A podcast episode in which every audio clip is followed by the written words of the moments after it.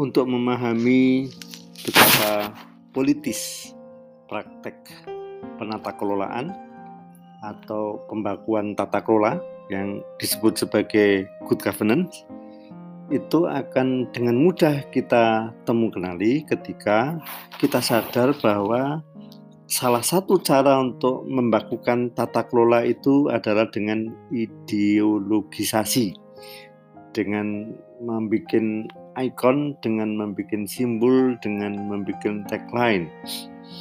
Dan saya katakan uh, label good atau atribut good itu adalah bagian dari ideologisasi, tetapi ideologisasi untuk tatanan tertentu yang hendak dipromosikan. Jadi uh, kehati-hatian kita atau keperluan kita untuk merespon mencermati secara kritis adalah justru sadar akan beroperasinya ideologi. Dan ideologi itulah yang menjadikan tatanan itu uh, jelas dan logis tetapi logis hanya dalam kerangka berpikir tertentu. Artinya kalau orang uh, punya ideologi lain dan kemudian punya obsesi lain dan sama-sama masuk akalnya, orang yang punya kesadaran kritis ini bisa menghindar menyebutnya itu good, bisa jadi bad. Uh, dan kalau misalnya uh, Orde Baru dengan masa beroperasi, masa berkuasa relatif panjang, lebih dari tiga dekade, itu kita cermati, justru yang menghasilkan keteraturan itu adalah ideologi dan ideologi yang uh, menghasilkan stabilitas pola. Itulah yang uh, dikemas dengan istilah uh, pemerintahan yang bersih dan berwibawa. Dan ketika itu tatanan itu beroperasi, tatanan itu memang tidak dibangun di atas prinsip liberal, prinsip liberalisme, prinsip kebebasan, tetapi itu toh juga sama-sama paket ideologi. Sehingga uh, soal good versi uh, pasca reformasi dan versi uh, Orde Baru itu kita bisa berdebat. Dan yang menjelaskan uh, sahnya memperdebatkan itu adalah kesadaran bahwa keteraturan pola itu adalah karena ada kerangka pikir ideologis tertentu.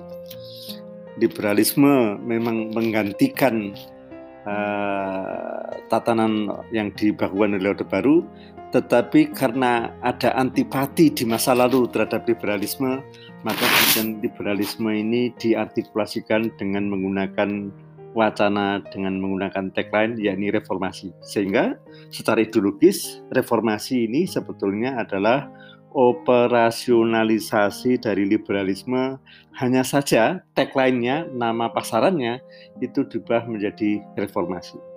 Jadi eh, poin saya ketika eh, beroperasinya ideologi itu kita bisa lacak, tatanan yang hendak dibakukan itu juga bisa kita eh, telah secara seksama dan kemudian kita tidak terombang-ambing oleh apa olok-olok atau apa boleh uh, apa namanya uh, romantisasi yang yang berlebihan. Yang jelas uh, politik yang beroperasi atau rezim yang berkuasa itu berkepentingan untuk bisa membakukan tatanan dan uh, Indonesia itu uh, mengalami apa ya uh, silih berganti tatanan. Dan silih berganti tatanan itu uh, kita tandai dengan periodisasi sejarah. Sehingga ada uh, periode yang disebut uh, yang kita kenal dengan demokrasi liberal. Saya sebut jilid satu. Lalu ada demokrasi terpimpin dan kemudian apa namanya uh, orde baru. Yang sebetulnya itu uh, mengandaikan dan justru me meromantisir peran peran negara.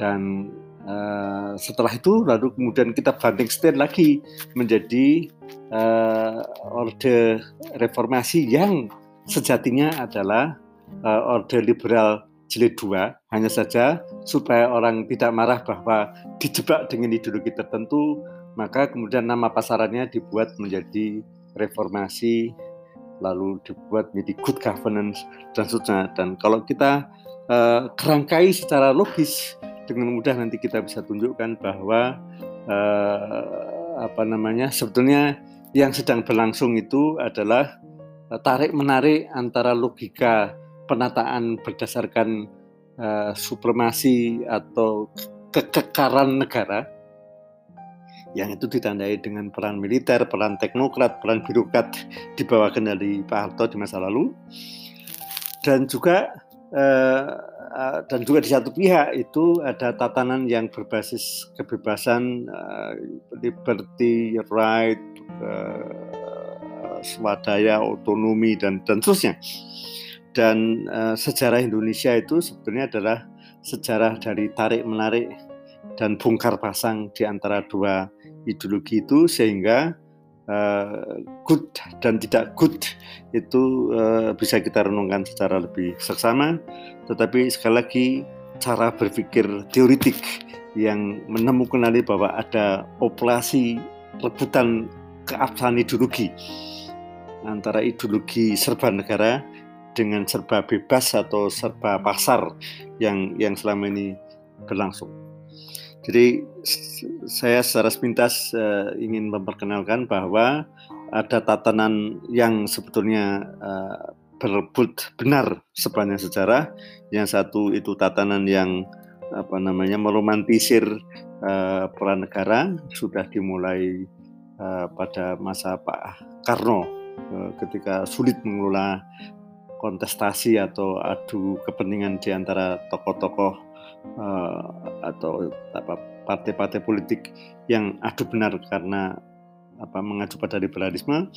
Lalu uh, karena tatanan serba negara yang dirapikan oleh uh, Pak Harto menjadi tatanan yang otorit disebut otoritarian, sentralistik dan seterusnya.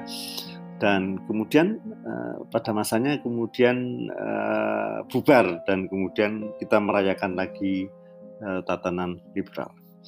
Jadi uh, sekali lagi uh, ada manifestasi dari relasi kuasa dan jejaknya adalah uh, governance dan cara menyelenggarakan kebijakan publik, cara Eh, memformulasikan dan mengimplementasikan kebijakan mesinnya juga berubah dan uh, untuk sementara kita asumsikan bahwa keteraturan yang disebut sebagai governance itu mempolakan corak atau proses uh, policy making yang uh, akan harus diselenggarakan.